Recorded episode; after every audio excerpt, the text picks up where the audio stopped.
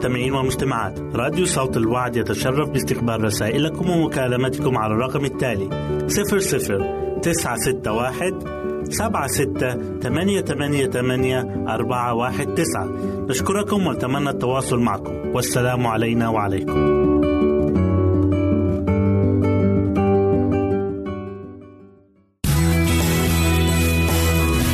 يمكنك استماع وتحميل برامجنا من موقعنا على الإنترنت. www.awr.org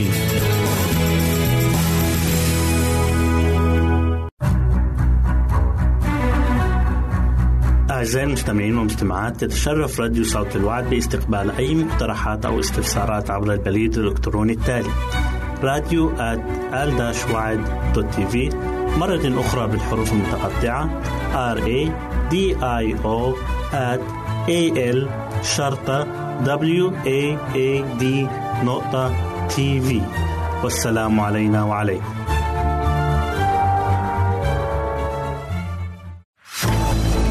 أعزائي المستمعين والمستمعات راديو صوت الوعد لا يكتفي بخدمتكم عبر الموجات الصوتية فقط بل وإنه يطرح لكم موقعا إلكترونيا يمكنكم من خلاله مشاهدة أجمل البرامج الدينية الثقافية الاجتماعية وغيرها من المواضيع الشيقة. يمكنكم زيارة الموقع من خلال العنوان التالي www.al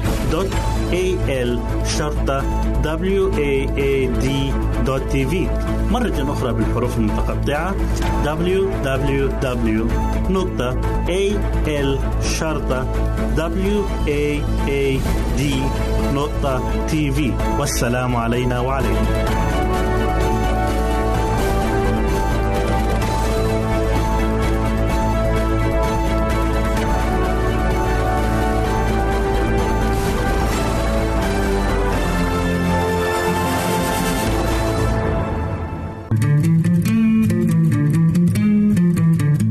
أنتم تستمعون إلى إذاعة صوت الوعي.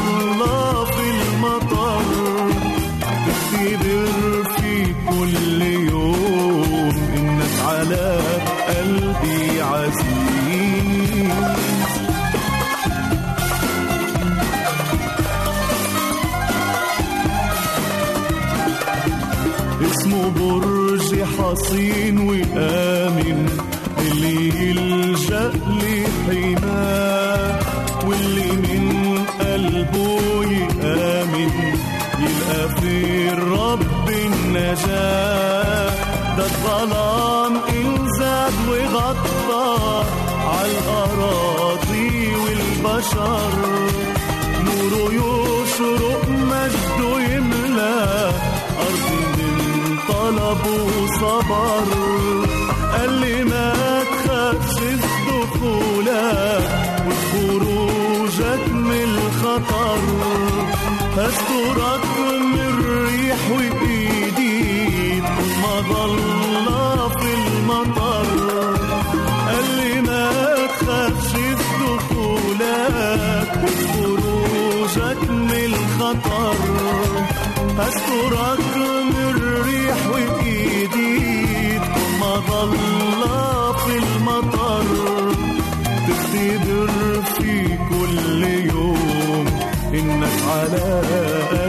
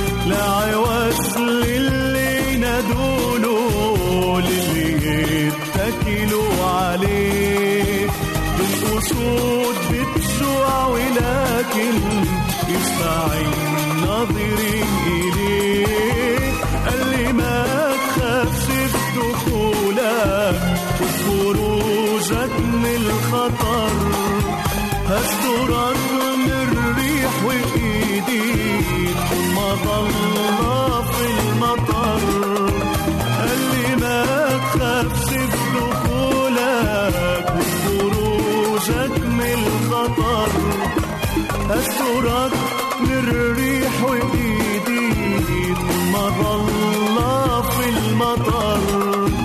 تختبر في كل يوم منك على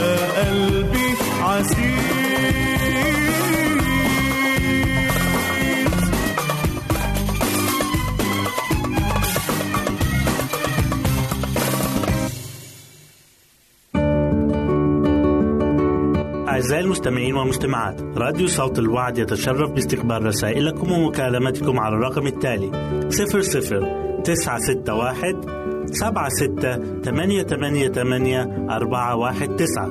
نشكركم ونتمنى التواصل معكم. والسلام علينا وعليكم.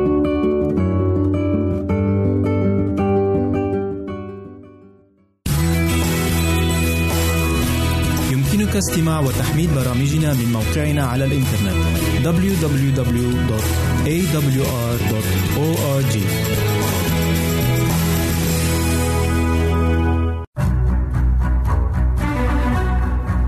أعزائي المستمعين والمستمعات تتشرف راديو صوت الوعد باستقبال أي مقترحات أو استفسارات عبر البريد الإلكتروني التالي راديو في مرة أخرى بالحروف المتقطعة. R A D I O at A L شرطة W A A D نقطة تي في والسلام علينا وعليكم. أهلا وسهلا بكم مستمعينا الكرام في كل مكان. يسعدني أن أقدم لكم برنامج أطفالنا زينة حياتنا. وحلقة اليوم بعنوان النهي والأمر في تربية الأطفال. النهي يأتي أولا. كثيرا ما نسمع عن عدم فائدة نهي الأولاد الكبار والضرر من تكرار النهي دون فائدة. وقد بدأت الأمهات يشعرن بعقم هذه الطريقة في التأديب مع إنهن لا ينقطعن عن استعمالها. والخطأ هو أن هذا النهي جاء في غير أوانه. فلو كنا قد استعملناه باكرا لما كنا نجد حاجة إلى استعماله. عندما يتجاوز الولد سن الطفولة. لا بل كنا نستعمل الأمر عوضا عنه. إن النهي مفيد وفعال باكرا ولكنه يفقد فائدته وفعاليته كلما بعد الطفل عن يوم ميلاده. وإذا أمعنا الفكر جيدا يظهر لنا جليا أن تدريب الولد يجب أن يبدأ أولا بالنهي وأنه حسب نجاح النهي يسهل استعمال الأمر وتكثر فائدته فيما بعد. ضبط النفس. يتفوق الإنسان على الحيوان بهذه القوة الأساسية الهامة وهي قوة ضبط النفس. فمن الضروري إذن أن نروض أنفسنا على هذه القوة بانتقالنا من سن الطفولة إلى سن الرجولة لنكون على شبه الله ومثاله. إن قوة ضبط النفس دليل على الاتزان والهدوء وسمة من سمات الأخلاق الحسنة. إن السيطرة التامة على العواطف والدوافع يجب أن تكون هدف كل إنسان كبير وصغير والبلوغ إليها من أصعب الأمور. وكلما تأخرنا في الحياة صعب علينا البلوغ إليها. إذا كنا لم نحاول ذلك باكرا. وبسبب تقصير الوالدين وإهمالهم الفرصة السانحة في سن الطفولة لتنشئة هذه القوة نجد الكثيرين من الكبار ليس فيهم شيء من قوة ضبط النفس أو اتزان جهازهم العصبي. قوانين ثابتة. إن أول شيء يجب أن يتعلمه الطفل كأساس في هذا التدريب هو أن البرنامج اليومي ثابت لا يقبل التغيير، وعندها يشعر الطفل حالا بالقوة المعزية والتي يجب عليه أن يسير إرادته بموجبها.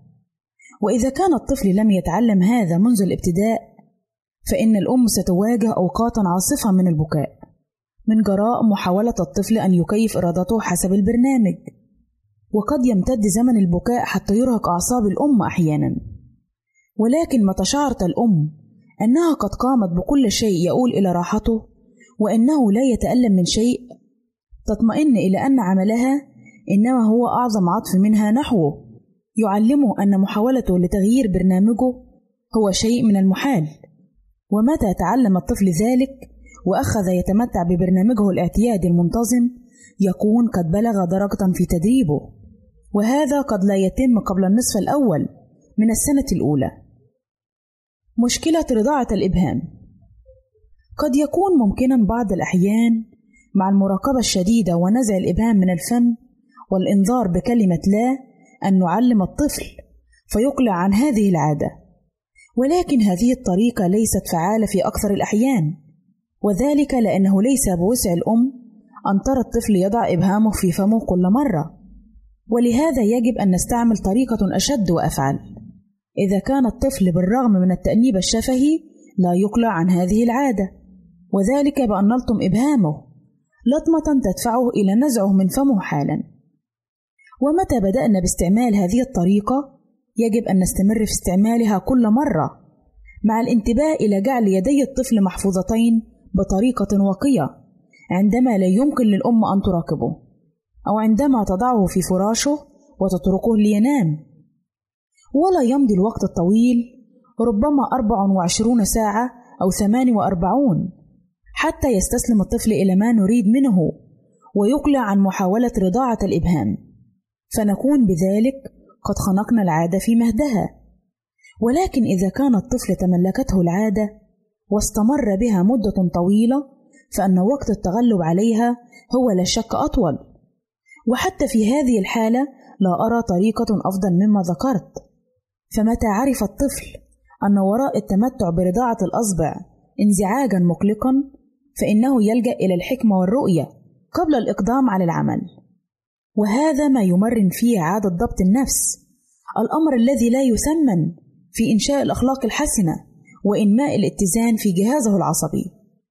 فكل عمل يمكن القيام به والذي يقود الطفل لإنماء الرادع الداخلي لضبط دوافعه أو بعبارة أخرى لردع نفسه بنفسه إنما هو أفضل بما لا يقاس من مجرد وضع العراقيل التي يستحيل عليه نزعها والتي كان لا شك ينزعها لو قدر على ذلك.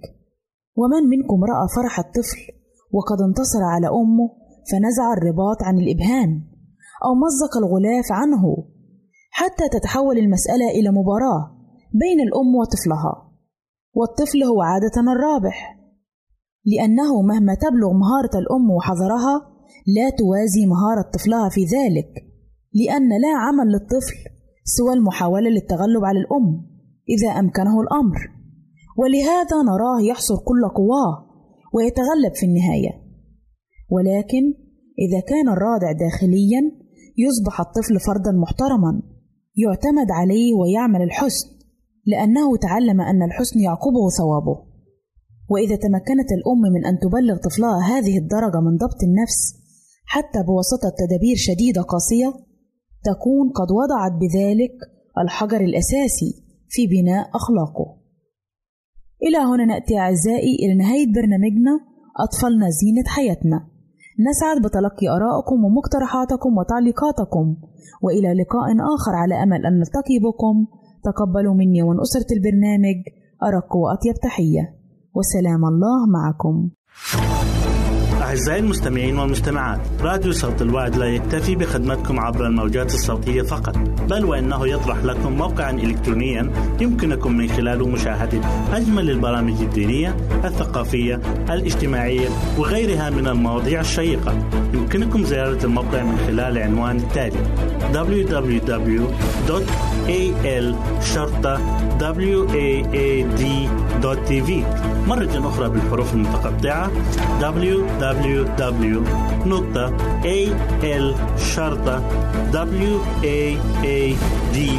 www.al-waad.tv والسلام علينا وعليكم.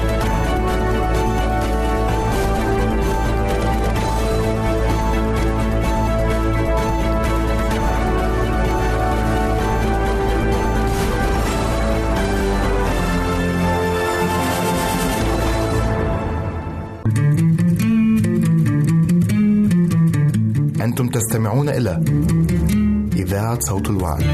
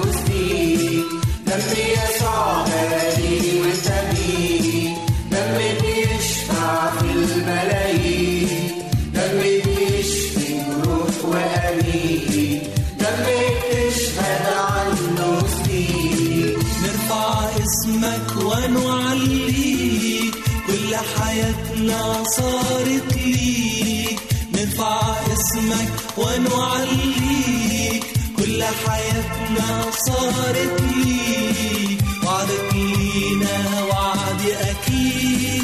ساكن فينا يا أغلى مليك نرفع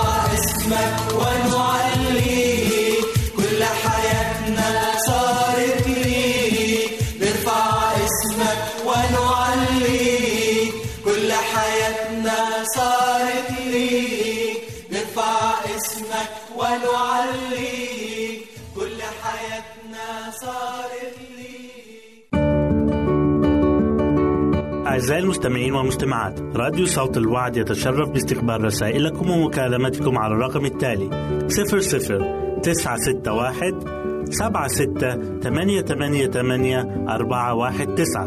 نشكركم ونتمنى التواصل معكم. والسلام علينا وعليكم.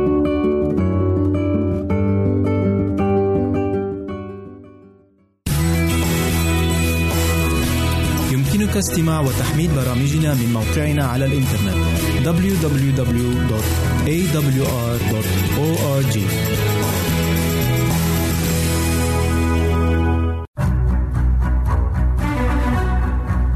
أعزائي المستمعين والمستمعات تتشرف راديو صوت الوعد باستقبال أي مقترحات أو استفسارات عبر البريد الإلكتروني التالي راديو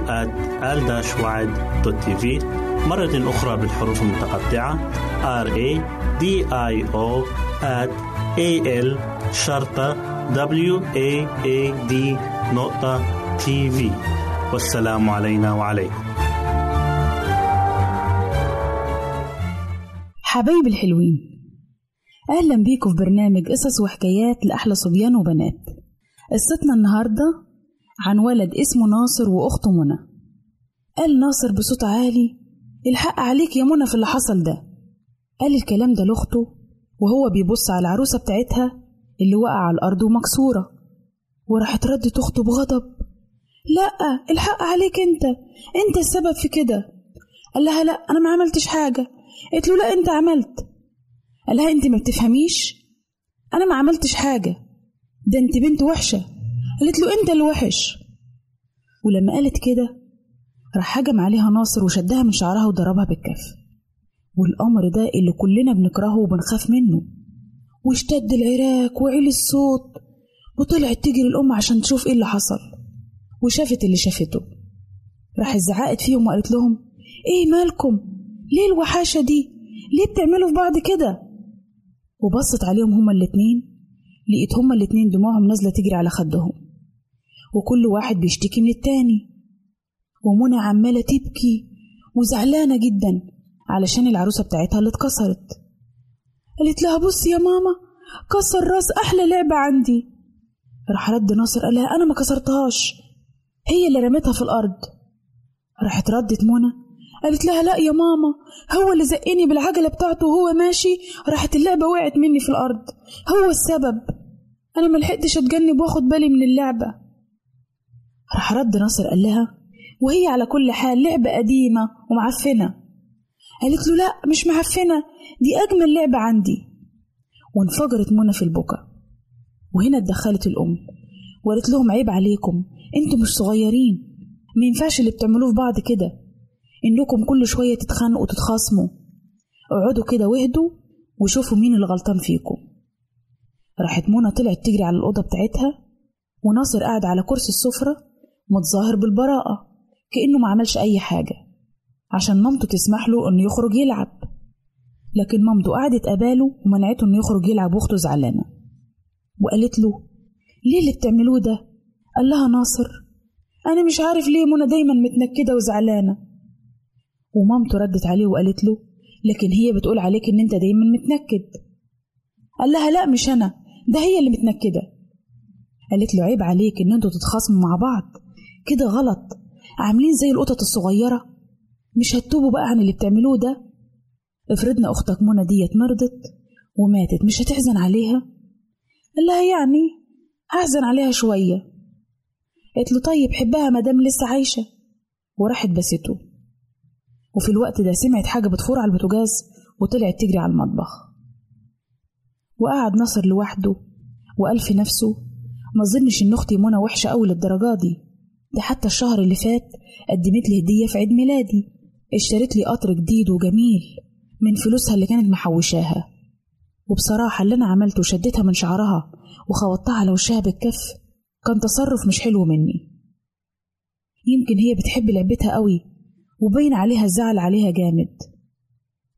وراح أمن مكانه وتمشى ناحية الشباك وبص على اللعبة المكسورة في الجنينة. وكان منظرها وهي متكسرة محزن. راحت جات لناصر فكرة حلوة قوي. راح طلع بسرعة الأوضة بتاعته وراح فتح الدرج وأخد حاجة من الحصالة بتاعته ونزل الجنينة للمكان اللي كانت فيه اللعبة مرمية وراح خدها من الأرض وحطها في كيس عشان محدش يشوفها عشان ديت لعبة بنات وهو ولد ومش عايز حد يشوفه وهو شايلها وراح مشي ناحية السوق وفي مدة نص ساعة رجع وسأل مامته هي منى فين يا ماما؟ قالت له منى في أوضتها مش مبطلة بوك على اللعبة بتاعتها راح مشي بسرعة دخل أوضة منى وفتح الباب بهدوء ودخل بالراحة كده وكانت منى ما زالت عمالة تبكي وزعلانة جدا على اللعبة بتاعتها. فراح مشي ناحيتها كده بهدوء وقال لها يا منى فراحت ما ردتش عليه. فراح حط إيده حوالين رقبتها كده وقال لها سامحيني يا منى أنا ندمان على كل اللي عملته معاكي. أنا ما كنتش اعرف إن أنتي راحت ردت منى لا ما تقولش كده. أنا حزينة على لعبتي وكنت بحبها قوي. راح قال لها لكن لعبتك دلوقتي بقت في حالة كويسة. أنا حطيت لها راس جديدة ودفعت الفلوس من مالي الخاص. وراح طلع اللعبة من الكيس وإيه ووراها لمنى. راحت اتبسطت وفرحت وقالت له ياه دي جميلة قوي ده بقيت شكلها حلو قوي. وبسرعة قعدت تنشف في دموعها وقال لها ناصر أنا ما عدتش أعمل فيكي كده مرة تاني. سامحيني. وراحت بصت على أخوها وقالت له أنت طلعت شهم أوي يا ناصر. وراح إيه أخوها بسها وهي بسته. ومن الوقت ده بطل ناصر إن هو يزعجها ولا يضايقها. لكنه كان دايما فاكر اليوم ده إن ناصر عوض أخته عن اللعبة اللي هي خسرتها وصلح الغلط اللي عمله. من القصة دي يا ولاد نتعلم درس جميل جدا في حياتنا. إحنا كإخوات عايشين مع بعض في البيت. أكيد بتحصل بينا خلافات. أكيد ممكن أكسر حاجة لأختي أو أخويا من غير ما أقصد. لكن عليا إن أنا أصلح الغلط اللي أنا عملته عشان نعيش حبايب مع بعض ومبسوطين وفرحانين. وحتى لو حصلت حاجة غصب عني وأنا مش قادرة أصلحها ولا مش قادرة أعوضها أتأسف وأعتذر. وبكده نكون وصلنا لنهاية قصتنا واستنونا في قصة جديدة من برنامج قصص وحكايات لأحلى صبيان وبنات. ربنا معاكم. أعزائي المستمعين والمستمعات راديو صوت الوعد لا يكتفي بخدمتكم عبر الموجات الصوتية فقط بل وإنه يطرح لكم موقعا إلكترونيا يمكنكم من خلاله مشاهدة أجمل البرامج الدينية الثقافية الاجتماعية وغيرها من المواضيع الشيقة. يمكنكم زيارة الموقع من خلال العنوان التالي www.al waad.tv مرة أخرى بالحروف المتقطعة www.al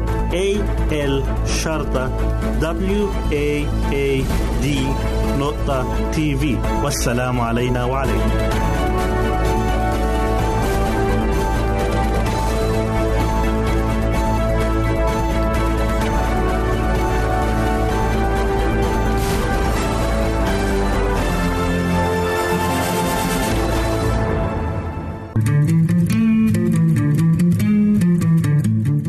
تستمعون إلى إذاعة صوت الوعد.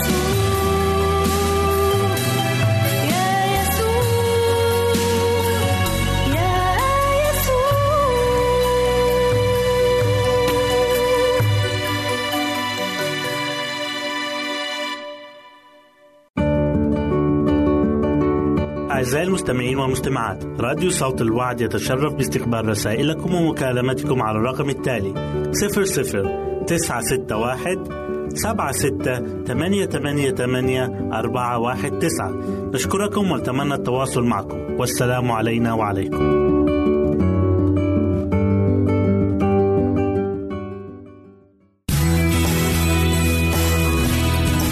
استماع وتحميل برامجنا من موقعنا على الإنترنت www.awr.org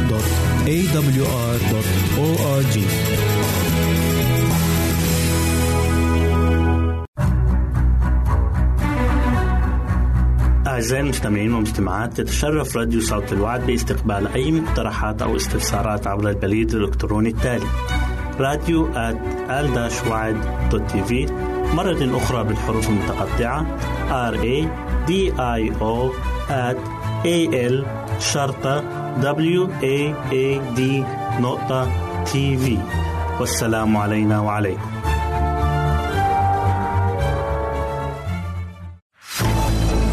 أعزائي المستمعين والمستمعات راديو صوت الوعد لا يكتفي بخدمتكم عبر الموجات الصوتية فقط بل وإنه يطرح لكم موقعا إلكترونيا يمكنكم من خلاله مشاهدة أجمل البرامج الدينية الثقافية الاجتماعية وغيرها من المواضيع الشيقة. يمكنكم زيارة الموقع من خلال العنوان التالي www.al waad.tv مرة أخرى بالحروف المتقطعة. Www.al-waad.tv والسلام علينا وعليكم.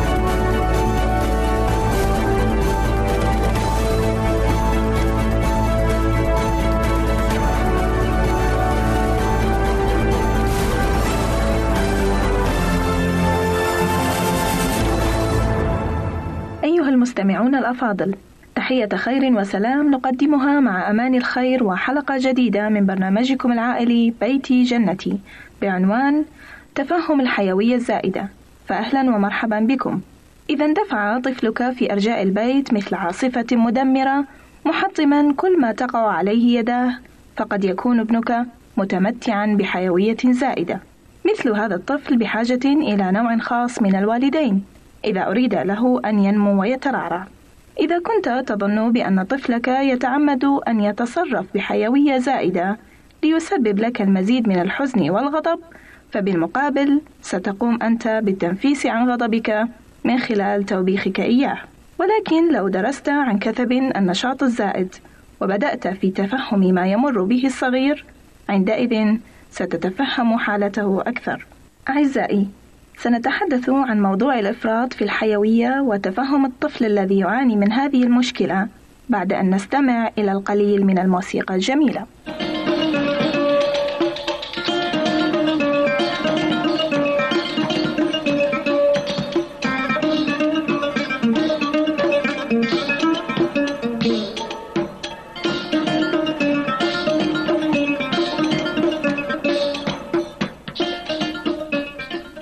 عزيزي المستمع، ماذا يعني لك الإفراط في النشاط لدى الطفل؟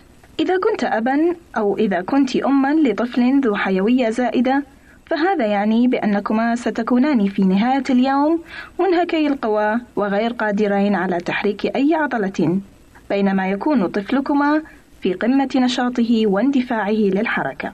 فالطفل المفرط في النشاط يصعب جدا العيش معه، من النظرة الأولى على مظهره الخارجي يبدو طبيعيا فليس له قدم أقصر من الأخرى أو أن إحدى أذنيه ناقصة ولكنه مع ذلك فهو معاق. وما لم يكن لهذا الطفل ليعيش مع والدين متفهمين أو يلتقي ببعض الناس العطوفين والمشجعين في النمو نحو النضوج فلن تكون مسيرته في الحياة سعيدة. قد يكون الله تبارك اسمه قد دعاك لمثل هذا العمل. قد يكون ابنك أخاك أحد أقربائك أو قد يكون أحد تلاميذك. مهما يكن الأمر الذي دعيت لعمله فدعني أدخل معك عالم الطفل المفرط النشاط لكي تدرك بطريقة أفضل مدى تفهمك لمقدار حاجة هؤلاء الصغار لك.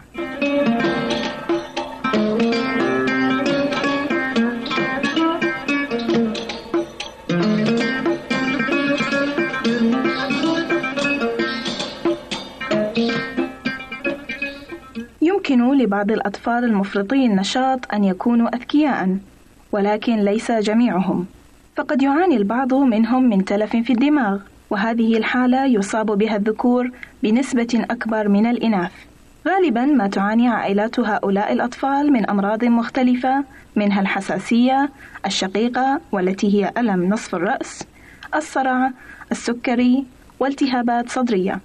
تتميز معظم أعراض الإفراط الحركي عند الصغار بقيامهم بضرب الرأس بعنف هز السرير مغص أرق نوبات غضب سلوك يصعب السيطرة عليه انعدام الخوف والبلاهة.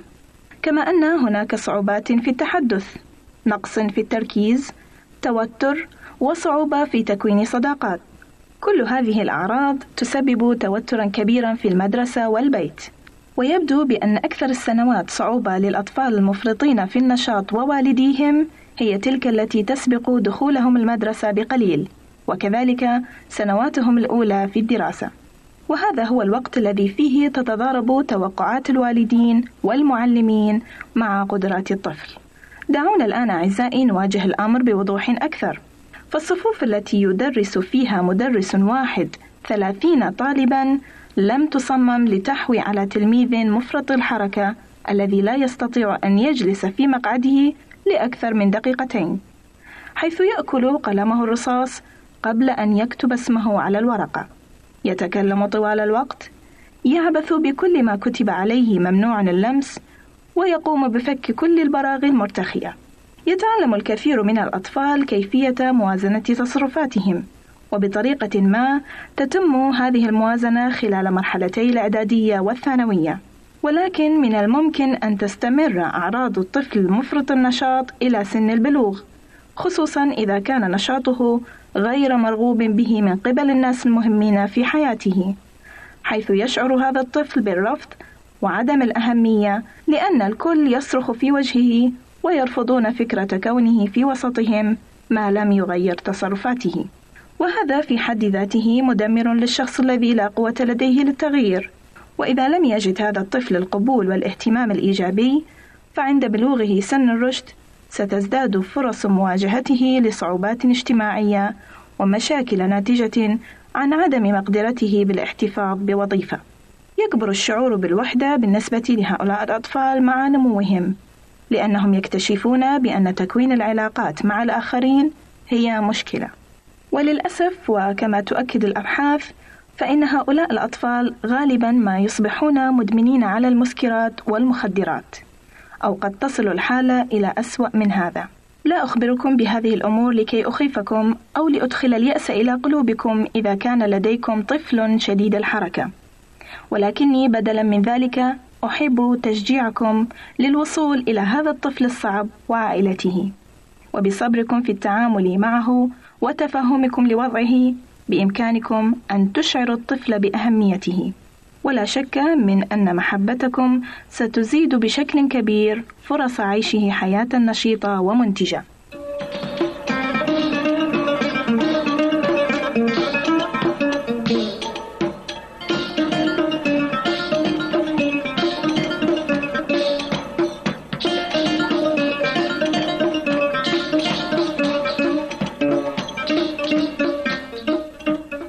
أعزائي كم من حالات بدت مستعصية في تقويم طفل عنيف ولكن في النهاية تكللت جهود الوالدين بالنجاح لأن صبرهما ومحبتهما كانتا المنارة التي هدت أقدام الصغير إلى المحبة واللطف بدلا من العصبية والعنف. بوركت جهود الوالدين في تربية نشء جديد والأبدية وحدها هي التي ستظهر الصراعات التي مرا بها خلال إنجازهم لهذا العمل الجبار. أعزائي لكم مني أمل نبيل أطيب وأرق التحيات. وفي رعاية القدير وسلامه لنا لقاء. أعزائي المستمعين والمستمعات راديو صوت الوعد لا يكتفي بخدمتكم عبر الموجات الصوتية فقط بل وإنه يطرح لكم موقعا إلكترونيا يمكنكم من خلاله مشاهدة أجمل البرامج الدينية الثقافية الاجتماعية وغيرها من المواضيع الشيقة. يمكنكم زيارة الموقع من خلال العنوان التالي www.al دوت تي في مرة أخرى بالحروف المتقطعة www نقطة al شرطة w a a d نقطة في والسلام علينا وعليكم.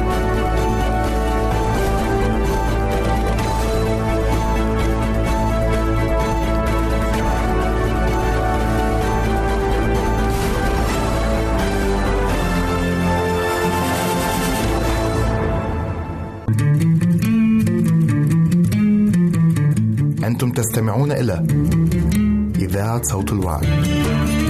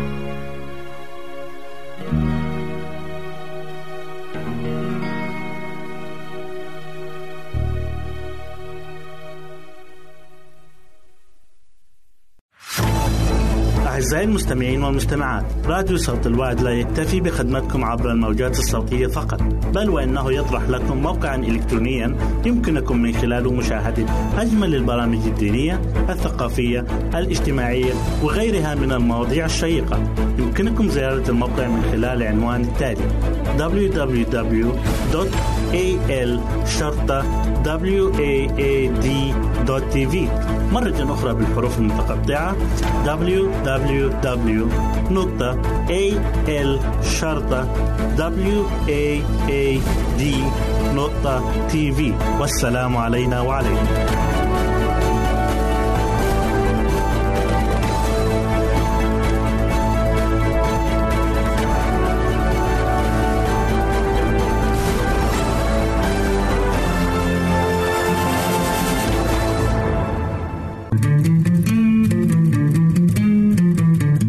أنتم تستمعون إلى إذاعة صوت الوعد.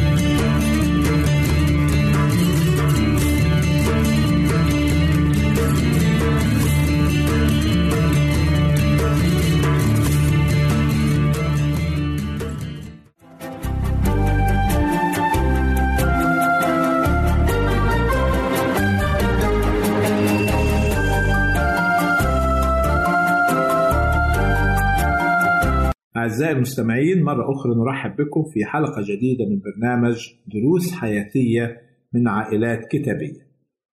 في الحلقة السابقة والحلقات السابقة تكلمنا عن كيف أن الله وافق على خروج هاجر وإسماعيل ابنها من بيت إبراهيم ولكن كما قلنا أن الله كان له غرض وهدف ووعد إبراهيم بأنه سيبارك إسماعيل ونسله وسيجعله أمة عظيمة.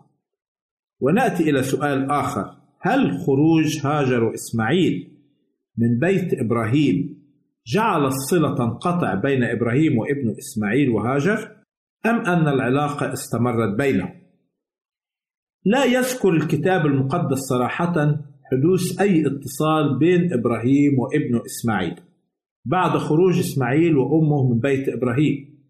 لأن الكتاب المقدس يشير كيف أن الله اعتنى بإسماعيل وهاجر ولكن يركز الكتاب بعد ذلك على إسحاق ونسله. ومع ذلك نستطيع أن نفهم الكتاب المقدس أنه قد يكون هناك نوع من التواصل بين إبراهيم وإسماعيل ابنه. والدليل على ذلك أن الكتاب يذكر في تكوين أصحاح 25 عدد 9 أنه عندما مات إبراهيم أنه قام بدفن إبراهيم إسحاق وإسماعيل ابناه وهذا يدل على أن إسماعيل كان على علم بأخبار أبيه أول بأول. كذلك يفهم من النص الكتابي أنه لم تكن هناك عداوة بين إسحاق وإسماعيل. فخروج هاجر وإسماعيل من بيت إبراهيم نجد أن الله قصد به خيرا لإسحاق وإسماعيل كليهما. كذلك نقرأ في تكوين أصحاح 22 حادثة هامة جدا. كيف أن الله امتحن إبراهيم بطلبه أن يقدم إسحاق ذبيحة ويصعده محرقة للرب؟ فهل كان إبراهيم يعلم بأن هذا الطلب هو اختبار طاعة وإيمان له؟ أم أنه كان على استعداد أن يقدم ابنه بالفعل محرقة للرب؟ ما هو الدرس الذي نتعلمه كآباء من إبراهيم؟ والدرس الذي نتعلمه كأبناء من إسحاق. عندما نرجع قبل هذه الأحداث نجد الله وعد إبراهيم أنه سيبارك نسله ويكثره كنجوم السماء. وبعدها حدد الله أنه من سارة سيبارك الله هذا النسل. لذلك عندما أعطاها الله إسحاق هو وزوجته في سن الشيخوخة كان يدرك إبراهيم بأن هذا ابن المواعيد الإلهية. وهنا عندما طلب الله من إبراهيم أن يقدم إسحاق محرقة لم يتردد إبراهيم وبالفعل كان على استعداد تام أن يقدم ابنه. يمكن هناك آيات كتبها لنا الرسول بولس توضح هذا الأمر. فنقرأ في سفر العبرانيين أصحاح 11 والأعداد من 17 إلى 19 يقول الكتاب بالإيمان قدم إبراهيم إسحاق وهو مجرب قدم الذي قبل المواعيد وحيده. الذي قيل له أنه بإسحاق يدعى لك نسل. إذ حسب أن الله قادر على الإقامة من الأموات أيضا. الذين منهم أخذه أيضا في مثال. على الرغم من أن الله بعد ذلك لم يسمح لإبراهيم أن يذبح ابنه لكن الكتاب المقدس يعتبر أنه قدمه لله. وهذا يدل على استعداد إبراهيم الكامل لإطاعة الله. ولكن كيف يقدمه محرقة لله؟ وفي نفس الوقت وعد الله أن يبارك إسحاق ونسله. نجد الآية 19 توضح هذا الأمر وهو أن إبراهيم كان يؤمن أن الله قادر أن يقيم ابنه من الأموات. وهنا هذا الامتحان أظهر طاعة إبراهيم التامة لله. وفي هذا الامتحان الذي قدمه الله لإبراهيم درس لنا جميعا حيث نتعلم من تصرف إبراهيم أن يكون الله أولا في حياتنا. محبتنا له أولا وقبل كل شيء. حتى أولادنا يجب أن يأتي الله أولا وقبل كل شيء. يقول السيد المسيح في إنجيل متى أصحاح 10 وعدد 37 من أحب أبا أو أما أكثر مني فلا يستحقني ومن أحب ابنا أو ابنة أكثر مني فلا يستحقني. كذلك علينا كأبناء أن نتعلم درس هام من إسحاق وهو الطاعة والمحبة. أيضا لله ولأبيه إبراهيم. فعلى الرغم أن إسحاق كان شابا إبراهيم رجل مسن متقدم في الأيام إلا أن الكتاب يوضح أن إسحاق لم تبدو منه أي مقاومة لأبيه لكنه هو أيضا كان لديه الاستعداد للامتثال والطاعة لأمر الله. ولأبيه وهذا درس يجب أن يتعلمه أولادنا وبناتنا. في البيت يجب أن نعلمهم المحبة والطاعة لله ويجب أن نعلمهم الطاعة لوالديهم أيضا. يقول الرسول بولس في أفسس أصحاح ستة وعدد واحد أيها الأولاد أطيعوا والديكم في الرب لأن هذا حق أعزائي المستمعين في ختام هذه الحلقة سعدت كثيرا أن أكون معكم وحتى نلقاكم في حلقة قادمة سلام الرب يكون معكم.